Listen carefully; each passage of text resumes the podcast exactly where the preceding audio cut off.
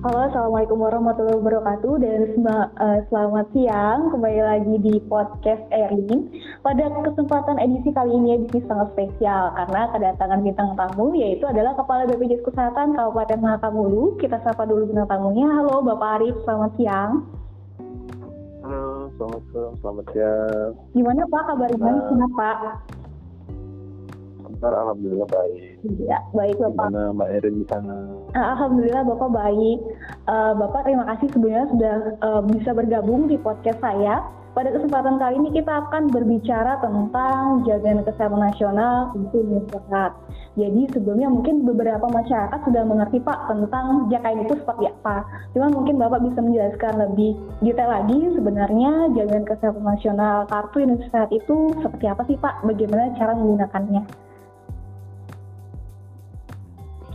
Apa ini? Baik cara menggunakannya atau gimana? Uh, dari pengertiannya dulu Pak. JKN itu sebenarnya apa sih Pak? Iya. Uh, baik.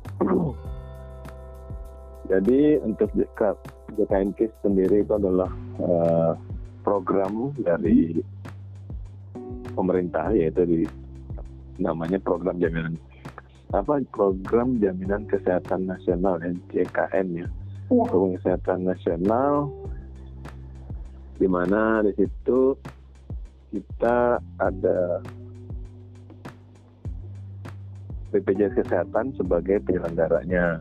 Jadi di sini program JKN adalah uh, dari pemerintah, kemudian yang menyelenggarakan, yang menjalankannya adalah uh, eh, BPJS Kesehatan sesuai dengan uh, peraturan undang-undang yang berlaku. Itu adalah program JKN. Nah, KISnya sendiri adalah sejak uh, Pak Presiden Jokowi maka ditambahkan KIS yaitu Kartu Indonesia Sehat itu uh, untuk identitas bahwa kartu yang digunakan dalam era JKN KIS yang digunakan sebagai uh, apa namanya identitas kepesertaan bagi peserta yang sudah terdaftar. Mm-hmm. Itu Mbak Irin. Siap.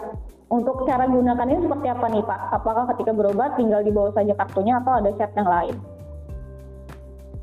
Nah, untuk uh, kartu Indonesia Sehat ya, kartu Indonesia Sehat JKN KIS kartu Indonesia Sehat itu sendiri di sini mm-hmm.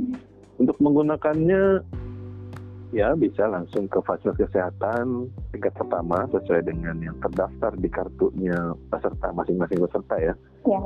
Masing-masing peserta di sini dalam satu keluarga misalnya beda berbeda vaskes itu tidak masalah di, diperkenankan misalnya uh, suami istri suaminya di tugas di luar kota, istrinya tetap di kota tempat asalnya, maka vaskesnya diperkenankan untuk berbeda boleh. Jadi nanti untuk menggunakannya yang bersangkutan peserta datang ke fasilitas kesehatan tingkat pertama dulu ya. sesuai dengan uh, yang terdaftar di kartu. Jika memang fasilitas kesehatan tingkat pertama itu tadi tidak mampu, jadi F fasilitas kesehatan tingkat pertama. Di sini kita singkat FKTP. FKTP-nya di sini macam-macam. Ada puskesmas, ada klinik, ada dokter keluarga, mm-hmm. semacam ya. Ada tiga jenis itu ya dokter keluarga itu ada dokter umum, dokter gigi seperti itu. Jadi nanti cara menggunakannya peserta datang ke fasilitas kesehatan tingkat pertama tadi yang terdaftar di kartu, kemudian jika tidak dapat ditangani di FKTP maka boleh dirujuk ke rumah sakit eh, fasilitas kesehatan tingkat lanjutan. Nah di situ nanti ke rumah sakitnya pun rumah sakit tipe C dulu, tipe C, eh, tipe D, kemudian tipe C, tipe B dan tipe A itu ber, berjenjang. Tidak bisa langsung kita berangkat ke rumah sakit yang tipe A hmm. karena harus ada uh, rujukan berjenjang seperti itu. Iya. Jadi uh, untuk penggunaannya cukup simpel ya Pak ya, hanya menggunakan kartu Citentis, kemudian ke vaskes yang terdaftar sesuai dengan yang tertera di kartu, kemudian nanti akan dilayani sesuai dengan uh, diagnosanya apa gitu ya Pak ya. Benar, nanti diperiksa oleh FKTP-nya. Iya. Sebenarnya Pak, kalau untuk hak dan kewajiban dari peserta JKNKIS itu seperti apa sih Pak? Untuk hak dan kewajibannya. Jadi hmm. sebagai peserta kewajibannya adalah dengan membayar iuran itu yang hmm. yang pasti ya. Itu kewajiban dari uh, peserta. Kemudian apa namanya? untuk haknya sebagai peserta, maka yang bersangkutan mendapatkan uh, fasilitas pelayanan kesehatan apa namanya uh, tingkat pertama, mm-hmm. kemudian rawat rawat jalan di rumah sakit dan rawat inap di rumah sakit juga. Kalau yang SKCB tadi dia rawat jalan dan rawat inap bisa di rumah eh, apa bisa di puskesmas yang memiliki uh, fasilitas rawat inap itu boleh jadi nanti peserta haknya adalah mendapatkan pelayanan kesehatan di puskesmas rawat jalan maupun rawat inap dan apa namanya dan uh, di rumah sakit mendapatkan rawat jalan di dokter spesialis dan juga rawat inap di rumah sakit. Itu haknya. Untuk jenis jenis haknya juga. Kewajibannya membayar iuran. Tepat waktu mm-hmm. membayar iuran tepat waktu paling lambat tanggal 10 setiap bulannya. Ya. itu semua semua semua ter, semua peserta termasuk PNS termasuk mm-hmm. uh, pekerja swasta termasuk yang bayar sendiri mm-hmm. dan yang dibantu oleh pemerintah juga semuanya sama semuanya sama tidak ada perbedaan ya pak ya tidak ada perbedaan untuk ya. kewajibannya tetap sama pembayar iuran secara tepat waktu itu aja sih kan dari tadi yang Bapak sebutkan ada beberapa jenis kepesertaan JKNKIS ya Pak ya. Nah sebenarnya kalau untuk di Mahakam Ulu itu sendiri, apa yang paling dominan Pak jenis kepesertaannya? Baik, untuk di Mahakam Ulu, jenis kepesertaan yang paling besar adalah yang dibantu, yang ditanggung oleh pemerintah daerah. Itu sekitar hmm, hampir 70 persen. 70 persen ya Pak ya? Ya, hampir 70 sampai 80 persen itu ditanggung oleh pemerintah daerah. Sisanya ditanggung oleh pemerintah pusat sebanyak kan yang ditanggung oleh pemerintah daerah itu 13 ribu, yang dibantu oleh pemerintah pusat itu 8 ribu, kemudian PNS itu ada seribuan orang dan uh, segmen lain kayak perusahaan dan itu sekitar uh, di bawah seribu lah bisa cuma 500 sampai jadi untuk Pemda Mahulu sendiri sudah cukup komit ya Pak ya untuk mendaftarkan masyarakatnya di BPJS Kesehatan. Benar, untuk di Kabupaten Makam Ulu, pemerintah daerah sangat uh, peduli terhadap warganya, khususnya mm -hmm. di bidang pelayanan apa di bidang kesehatan ya. Jadi uh, dari Pemdanya sendiri telah menjaminkan menjamin pelayanan kesehatan bagi warganya kepada BPJS Kesehatan. Seperti itu. Jadi kalau ada warga yang sakit tidak perlu takut lagi untuk berobat hmm. karena sudah dijamin oleh pemerintah daerah. Alhamdulillah. Apa sebenarnya kalau kan kadang saya temukan tuh ada kartu-kartu yang beredar. Kalau misalnya kadang ada yang masih menggunakan akses, kemudian kartunya yang BPJS Kesehatan, ada juga kartu yang KIS. Nah sebenarnya Pak itu tuh memiliki manfaat pelayanan yang berbeda atau semuanya sama nih pada saat digunakan? Uh, baik. Hmm. Untuk kartu ya, untuk kartu memang uh, ada sebagian masih yang menggunakan kartu lama. Ya. Karena kan kita uh, setiap ini kan ada transisi ya. Jadi kartu kuning tadi disebutkan Mbak Erin kartu kuning itu hanya khusus buat PNS ya. hmm. untuk PNS saja dulu waktu zaman masih PT Askes karena di kartu itu pasti masih tulisannya uh, Askes PT Askes terus itu. Ya. Nah sedangkan untuk kartu BPJS Kesehatan yang plastik itu yang kertas itu di era waktu awal-awal 2014 sampai dengan 2016 kemarin itu masih menggunakan kartu kertas yang kemudian diganti jadi uh, kartu fisik pada seperti KTP di era uh, kartu JKN apa kartu Indonesia Sehat. Jadi nah, semuanya dari ketiga kartu tadi, kartu yang lama-lama tadi, fungsinya tidak ada yang berbeda. Hmm. Hanya saja uh, kemungkinan uh, untuk kartu yang lama bisa diganti ke kartu Indonesia Sehat supaya diupdate lagi datanya. Jika memang masih ditemukan ada yang masih menggunakan kartu lama, bisa dilakukan perubahan data di kantor BPJS atau di uh, layanan-layanan kanal yang lain seperti WhatsApp hmm. atau mobil CKN. Hmm, Jadi tinggal uh, diupdate saja ya Pak ya kalau misalnya ada perubahan data yang ya, belum diubah Ya kemungkinan masih ada data yang belum diupdate jika masih menggunakan kartu yang lama. Hmm. Karena di kartu yang lama itu belum ada kewajiban untuk eh, apa adanya nomor NIK di dalam penginputan datanya. Iya. Bapak, ini juga ada terkait dengan alur menjadi peserta Jack and Kiss. Sebenarnya kalau ini kan ada beberapa segmen nih Pak, tadi Bapak sebutkan uh, dari yang pegawai swasta, kemudian juga yang bantuan pemerintah pusat, bantuan pemerintah daerah. Sebenarnya kalau untuk alur pendaftaran ini seperti apa sih Pak? Bisa contoh saja untuk yang bantuan pemerintah daerah, alurnya seperti apa Pak? Bisa dijelaskan? Baik untuk eh, yang ditanggung oleh pemerintah daerah, khususnya Kabupaten Makam Ulu, Hmm? Itu pendaftarannya adalah dengan eh, mendaftarkan dirinya dan keluarganya itu ke dinas kesehatan Kabupaten Makam Ulu Ya. bagian eh, SDK nanti di sana nomor KK atau data-data peserta atau masyarakat yang ingin mendaftar akan direkap oleh tim di dinas kesehatan yang selanjutnya akan di te- diserahkan ke BPJS Kesehatan untuk diinput sebagai eh, tanggungan pemerintah daerah yang akan berlaku di bulan berikutnya. Ya. Itu syaratnya untuk yang eh, Bantuan pemerintah daerah. bantuan, bantuan, bantuan pemerintah daerah. Ya. Ke- untuk di Mahulu seperti itu. Hmm. Jadi hanya membawa ini kartu keluarga saja Pak? Ya dipasti ya kartu keluarga saja dan dipastikan NIK yang pada kartu keluarga tersebut adalah yang eh, sesuai dengan KTP yang dipegang dan juga sudah online di Capil. Ya, jadi dipastikan harus online ya Pak ya NIK-nya walaupun sudah punya kartu keluarga tapi dipastikan kembali sudah online NIK tersebut. Benar. Eh, untuk misalnya yang kepesertaan PNS nih Pak, gimana cara ya Pak ya untuk mendaftarkannya?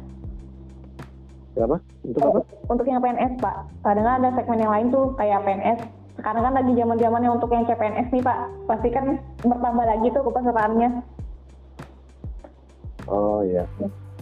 Untuk segmen PPU ya, PPU PNS ya. Kalau PNS itu dia segmennya PPU PNS atau pekerja penerima upah PNS.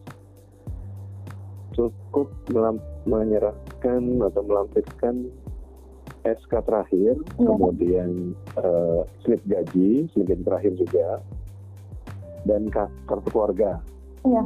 nanti dibawa atau dikolektifkan juga boleh misalnya di tempatnya Mbak Irin kan di rumah sakit Mhm. NDD itu nanti PNS-PNS barunya dikolektifkan nanti dikumpulkan siapa koordinatornya itu nanti diserahkan eh, ke BPJS Kesehatan bisa langsung untuk dilakukan pendaftaran segmen PPU PNS-nya Siap. Seperti itu Eh, kemudian gini Pak, kadang itu ada yang beredar di masyarakat sebenarnya untuk bayi baru lahir itu gimana ya cara daftarnya? Kadang ada yang masih bingung sih Pak masyarakat itu terkait untuk pendaftaran bayi baru lahir. Apakah eh, ketika eh, hamil sudah bisa didaftarkan atau ketika sudah lahir baru bisa didaftarkan? Itu sih Pak.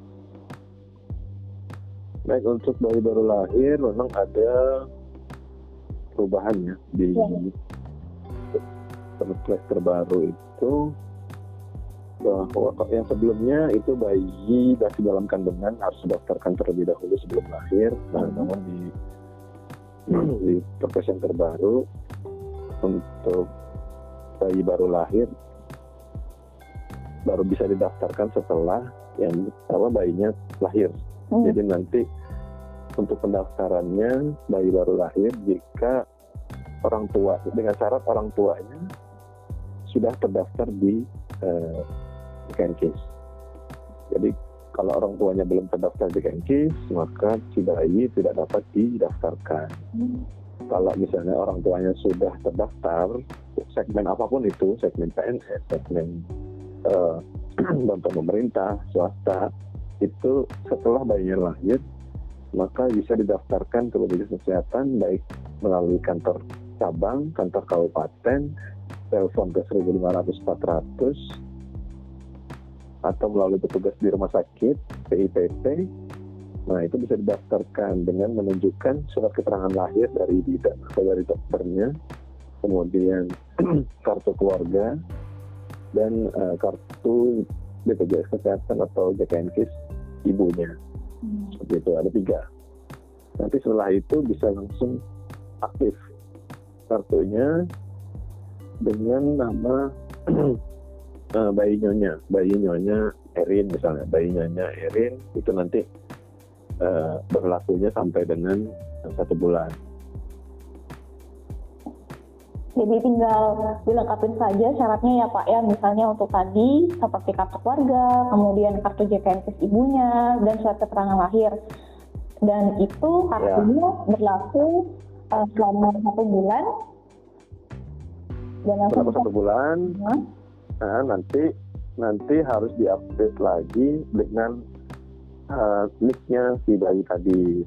Jadi nanti segera bikin kakak yang sudah ada sudah ada bayinya.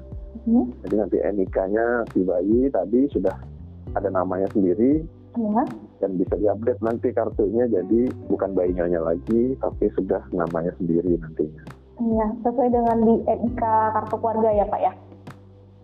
Nah, coba kadang gini uh, di masyarakat di Makamu adalah ketika mereka memiliki kartu JKNKIS namun ternyata ketika kita cek adalah kondisinya non aktif. Nah sebenarnya Pak, ketika kondisinya non aktif, apa yang perlu dilakukan oleh masyarakat Pak? Ya baik, nah ini jadi masalah yang lumayan ini ya di Makamulu hmm. sejak 2019 akhir itu di mana ada pengurangan atau ada penonaktifan besar-besaran terhadap data-data yang dianggap tidak valid. Jadi untuk warga Wakamulu khususnya yang sudah megang kartu diharapkan bisa melakukan cross check datanya ke apa namanya ke layanan WhatsApp jika atau Eh, ke layanan telepon di 1500 400 untuk mengecek apakah memang kartu yang dipegang itu masih aktif atau sudah dinonaktifkan oleh pemerintah daerah. Nah, itu salah satu caranya. Jadi nanti kalau tidak ada sinyal bisa menggunakan telepon ke 1500 400 paling tidak untuk mengetahui status kepesertaan aktif atau tidak gitu kalau misalnya ada sinyal bisa melalui WhatsApp di nomor Cika nomor Cika di ada ya iya. nanti coba saya cek dulu nomor Cika berapa nanti di situ bisa uh, cek status keaktifan pesertanya ya. gitu Mbak Erin hmm. jadi perlu uh, ada peran aktif ya Pak ya dari masyarakat untuk mengecek sendiri apakah kepesertaan statusnya dari kartunya itu aktif atau tidak kayak gitu kan benar paling diharapkan sih mereka cek dulu ya. sebelum uh, nantinya dipakai berobat apalagi kalau sampai keluar dari Kabupaten Makamulu hmm. biar nggak terjadi hal-hal yang tidak diinginkan. Ya, Pak. Kemudian juga gini Pak, sebenarnya untuk status non aktif ini bisa saja disebabkan karena uh, si pasien atau pesertanya ini nunggak nih Pak karena itu tadi iurannya nggak dibayar gitu kan otomatis pada saat berobat tidak bisa digunakan gitu. jadi memang hmm, ada beberapa faktor yang menyebabkan kartu tersebut tidak aktif pada saat untuk berobat ya kalau untuk yang peserta mandiri bayar hmm. sendiri mungkin itu tadi gara-gara dia tidak bayar tapi kalau untuk yang bantuan pemerintah tolong dicek lagi sebetulnya NIK-nya tidak online pada saat ini bisa ya. diupdate dulu ke Dukcapil ya. sehingga bisa diaktifkan kembali kartunya. Iya. Kemudian Pak, kalau untuk uh, jadi tinggal melakukan pembayaran saja ya Pak ya dan aktif lagi kartunya nanti pada saat digunakan untuk berobat. Betul. Pak, ini kan di era COVID zaman sekarang mungkin ada beberapa inovasi-inovasi yang dikeluarkan oleh BPJS Kesehatan. Yang saya dengar sih kayak Sika, Pandawa, antrian online. Mungkin bisa dijelaskan dulu Pak, sebenarnya Sika itu seperti apa, Pandawa itu gimana, antrian online itu seperti apa, biar masyarakat yang mendengar pun tahu apa sih sebenarnya produk-produk dari BPJS Kesehatan itu. Baik. Ya betul, uh, seperti yang disampaikan Mbak Erin tadi, beberapa inovasi yang sudah dijalankan oleh bukan dijalankan sih, di apa sih, diimplementasikan oleh BPJS Kesehatan seluruh Indonesia itu ada beberapa seperti BPJS 1. Nah, BPJS 1 ini sejak Desember 2019 di mana di sini ada petugas namanya petugas BPJS 1 yang uh, berperan untuk memberikan informasi ataupun uh, layanan pengaduan yang ada di setiap rumah sakit yang bekerja sama oleh BPJS Kesehatan. Ya. di sini BPJS satu adanya di seluruh rumah sakit yang bekerja sama oleh BPJS Kesehatan. Kemudian ada uh, penyederhanaan prosedur layanan hemodialisa. Itu sejak Januari 2020 di mana untuk pasien-pasien HD atau hemodialisa itu tidak perlu lagi kembali ke FKTP untuk hanya meminta rujukan karena sudah didata di sistem melalui metode fingerprint. Kemudian ada lagi untuk antrian elektronik. Antrian elektronik di sini berlaku atau digunakan di FKTP maupun di FKRTL juga. Sampai saat ini sudah 80% dari total rumah sakit yang sama sudah menggunakan antrian online di mana nanti peserta itu uh, mendapatkan kepastian di jam berapa dia datang, jam berapa dia harus uh, ready di rumah sakit karena sudah gilirannya dia itu nanti dia tidak perlu lagi ngantri dari pagi sampai sore. Misalnya gilirannya dia di tengah-tengah hari maka dia akan datang pada saat uh, gilirannya dia datang. Itu caranya dengan menggunakan aplikasi mobil CKN, di mana di aplikasi mobil CKN itu sudah terhubung secara elektronik ke setiap rumah sakit yang akan dikunjungi sebagai rumah sakit rujukan. Ya. Kemudian ada lagi display tempat tidur. Nah ini juga display tempat tidur di mana di setiap rumah sakit itu wajib menampilkan display tempat tidurnya sehingga tidak ada lagi keluhan uh, pasien ditolak karena pak kamar penuh tidak bisa lagi karena sudah terpampang data-data kamar yang kosong dan tidak itu di dashboard. Kemudian ada lagi untuk layanan daftar melalui uh, apa namanya melalui Pandawa. Nah, kalau melalui Pandawa, kalau melalui Pandawa ini adalah uh, karena layanan yang terbaru khususnya di era COVID, di mana nanti peserta itu tidak perlu lagi datang secara tatap muka ke kantor, cukup menghubungi admin Pandawa, di mana nanti akan dilayani seperti halnya kita datang ke kantor. Dia tidak tidak dijawab langsung, melainkan sesuai dengan antrian. Jadi seperti itu kalau untuk di Pandawa cukup dengan menggunakan layanan WhatsApp saja kalau untuk Pandawa. Hmm. Kalau untuk cek-cek saja bisa menggunakan layanan Cika.